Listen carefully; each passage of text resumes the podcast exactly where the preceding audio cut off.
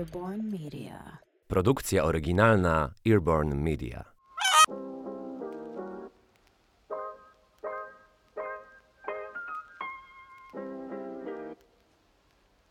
Dzień dobry, albo i dobry wieczór, bo nie wiem kiedy słuchasz tego odcinka. Nazywam się Kasia Depa, a to jest mój podcast Biżuteryjne Historie. Pierwszy na polskim rynku podcastowym kanał w pełni poświęcony biżuterii.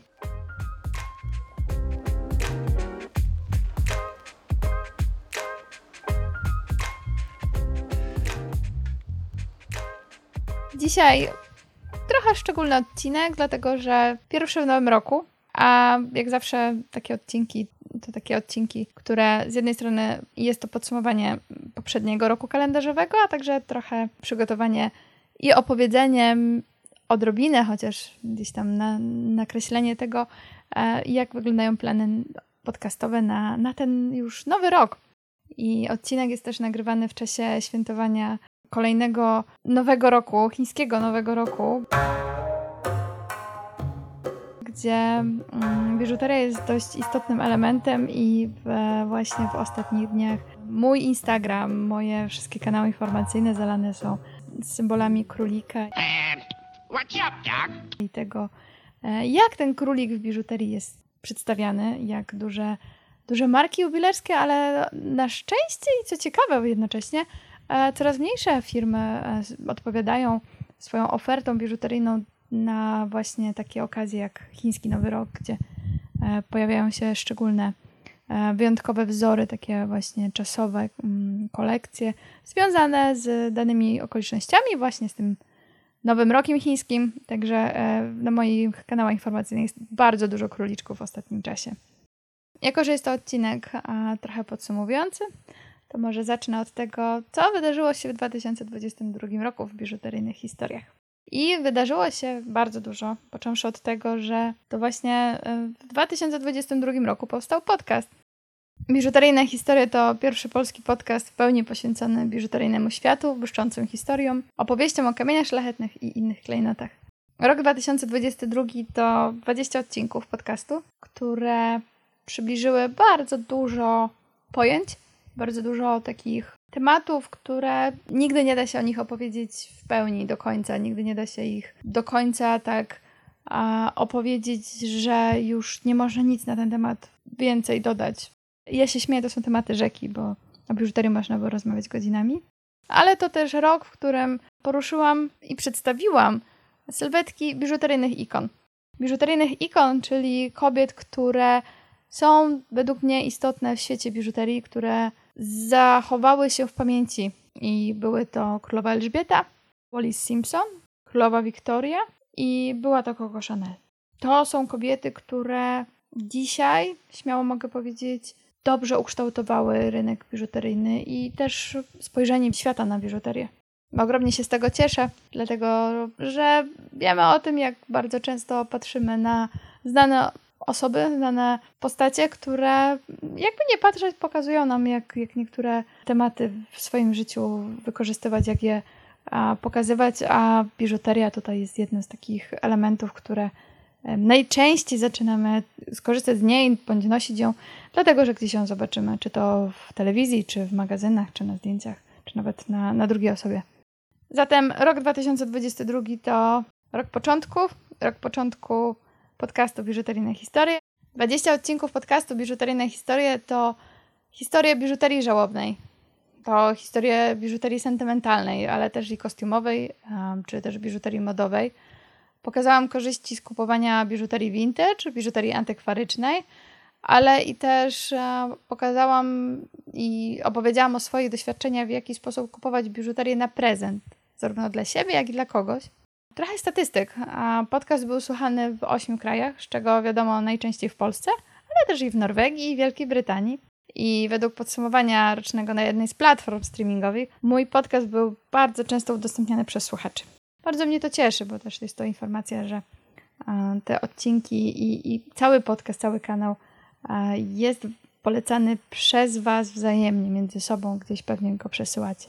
Biżuteria jednak jest tematem niszowym. Często jak opowiadam o tym, co robię, że zajmuję się biżuterią, to, to jest takie, ale jak? dlaczego? Ja mówię, no ale to jest przecież ogromny świat.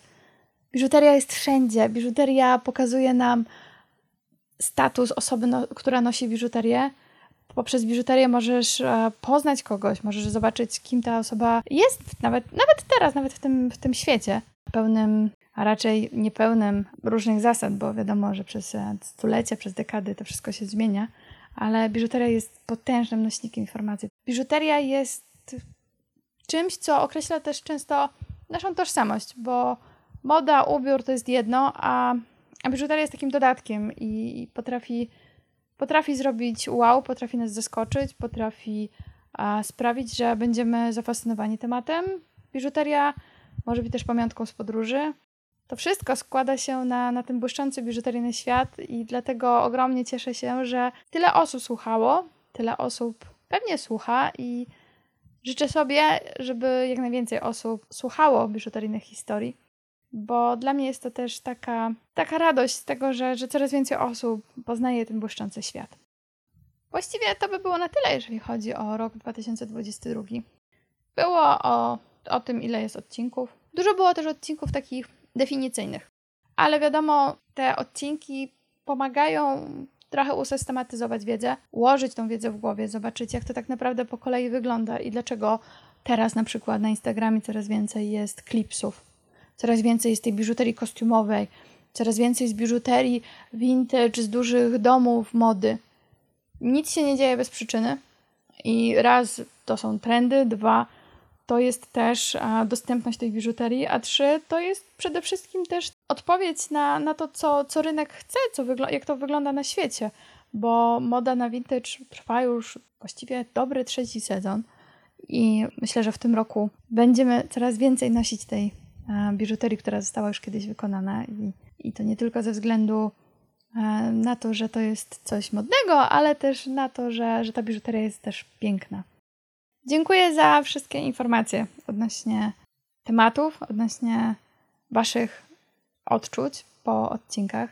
Dziękuję za komentarze, dziękuję za, za te wiadomości, w których dzielicie się swoimi historiami, gdzie poruszyłam Wasze serca, czy wróciliście do noszenia konkretnych obiektów, konkretnej biżuterii, dlatego że wow, można do tego wrócić. To nie jest nic takiego obciachowego, że coś coś Wam przypomniałam. To bardzo mnie cieszy, bo tak jak wcześniej wspominałam, dla mnie jest ważne to, żeby, żeby mieć taką świadomość tego, jak ten biżuteryjny świat jest w naszym życiu i jak ta biżuteria jest dla nas istotna. A co w roku tym obecnym, 2023? A przede mną i przed moją ekipą techniczną nowy rok.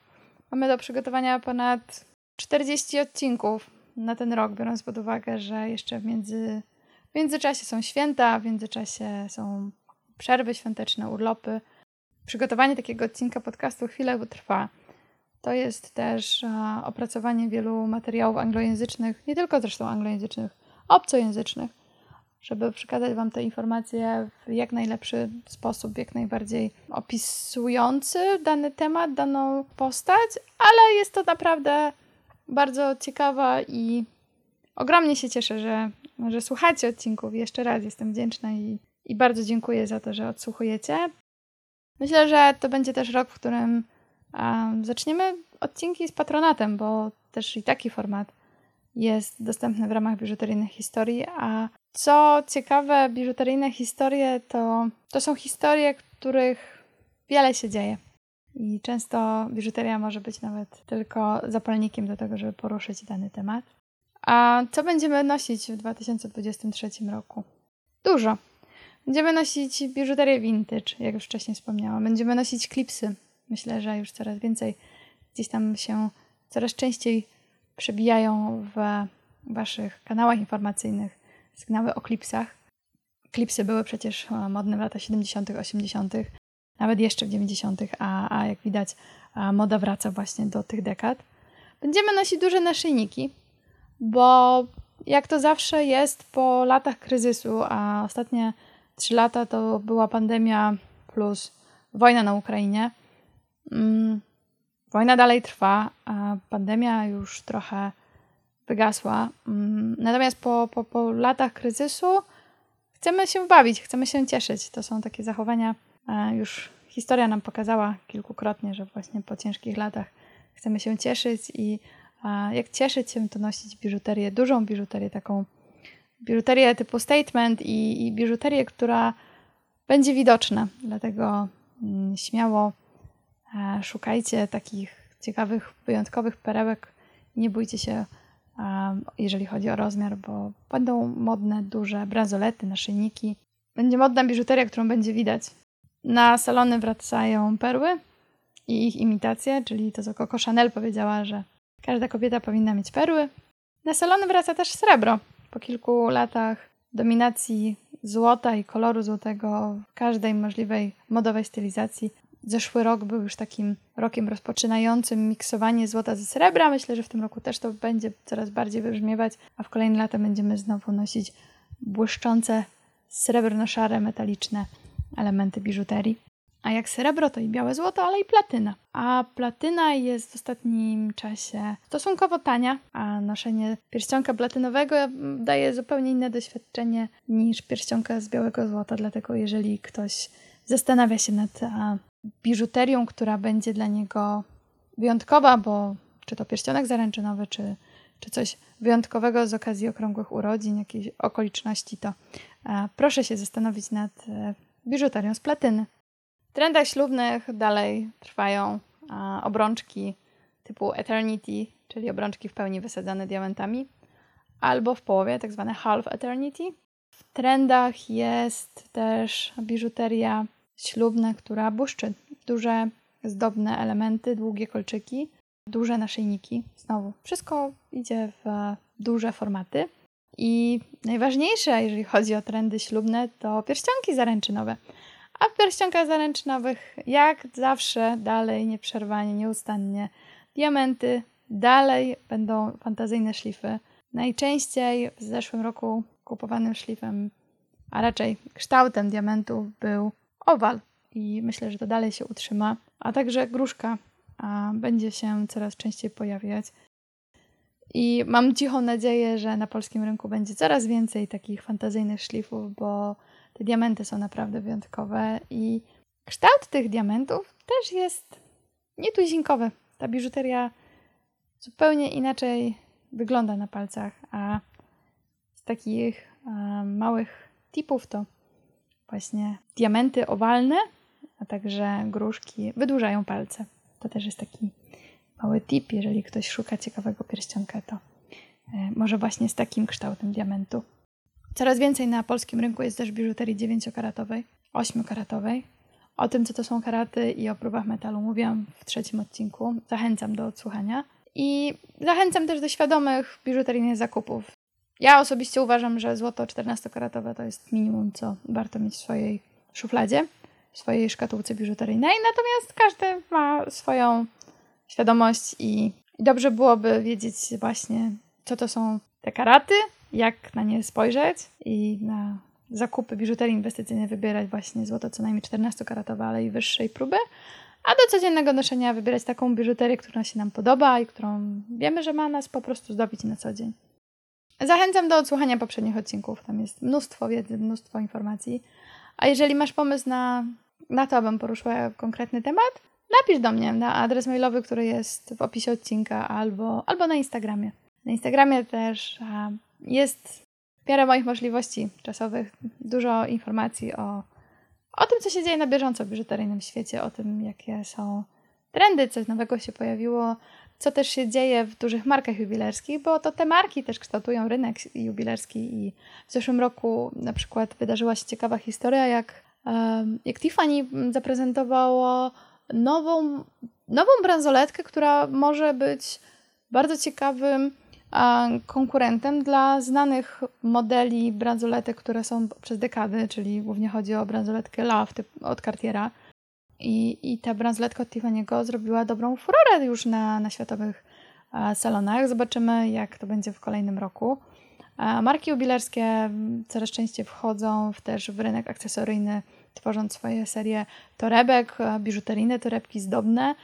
Wchodzą w, we współpracę z innymi markami, często zupełnie nie, pozornie w żaden sposób nie mającymi nic wspólnego ze światem biżuteryjnym. Tutaj jeszcze wrócę do, do Tiffany'ego i do Supreme e, i ich współpracy z zeszłego roku. A w tym roku, już w 2023 roku, e, pojawiła się informacja, już zostało to mm, przedstawione. E, była współpraca Fendi i Tiffany'ego. Ta współpraca to, to, to nie było nie tyle co zrobienie czegoś, co, co wykonanie torebki, kultowej torebki La Baguette od Fendi z, z czermsami Tiffany'ego w kolorze blue Tiffany'ego i, i to wszystko to wszystko pokazuje, jak ten biżuteryjny świat przenika, jak poka- pokazuje, jak biżuteryjny świat jest ważny i jak te współprace między różnymi markami e, będą, myślę, coraz częściej, więc też to są ciekawe takie elementy, które warto zobaczyć, jak przygotowywane są kolekcje biżuterii e, ograniczone właśnie ze względu na pomysł, ale też czasowo i limitowane w, w ilości, bo z okazji tej współpracy Tiffany też wypuściło e, Charmsy z logo Fendi. Ciekawa sprawa. Ciekawa sprawa i myślę, że mm, tutaj też można e, znaleźć dobre perełki, albo też poszukać na aukcjach, na e, targach staroci, różne inne takie elementy ze przeszłości, bo to nie jest tak, że to się pojawiło teraz. To, to, to było od zawsze, natomiast teraz to jest bardziej wybrzmiewa. Co będziemy jeszcze nosić w 2023 roku? Powolutku przez, jak przez mgłę na razie, albo raczej jak przez chmury, przebija się um, temat charmsów i ogromnie cieszę się, że, że nagrywam ten odcinek, bo trochę mam takie poczucie, że to, co teraz powiem, to będę chciała sprawdzić też na koniec roku, czy to faktycznie się tak sprawdziło, bo to też część tych informacji to są, wiadomo, konkretne raporty, które mówią o tym, co mamy nosić, co będziemy nosić, jakie są predykcje, jakie przede wszystkim mają być trendy.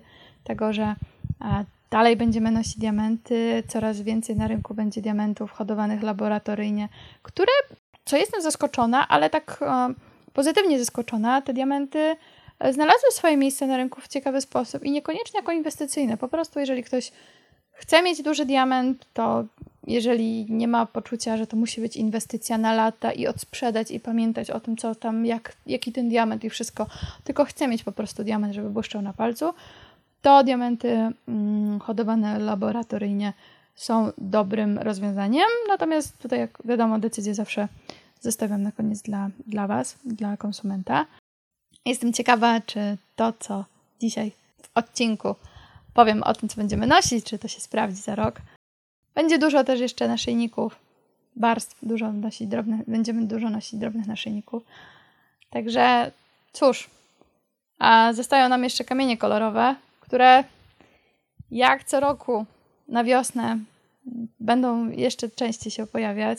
Ogromnie się cieszę, że kolejne pokolenie młodych projektantów bierze na tapet kolorowe kamienie, kamienie szlachetne i dzięki temu ta biżuteria będzie, jest, ona coraz częściej pojawia się w katalogach, na wystawach, a biżuterią kolorową, błyszczącą, taką z życiem, z radością. I na koniec, bo już zbliżam się do podsumowania. Raz jeszcze ogromnie dziękuję, że jesteś, że słuchasz odcinków biżuteryjnych historii. Gorąco zachęcam Cię do oceny podcastu na Spotify, dzięki czemu podcast pojawia się w kolejnych rankingach i jest polecany kolejnym słuchaczom. A jeśli, mm, jak już wcześniej wspomniałam, masz pomysł na temat odcinka, skontaktuj się ze mną. Bardzo Ci dziękuję jeszcze raz i cóż, do usłyszenia za tydzień.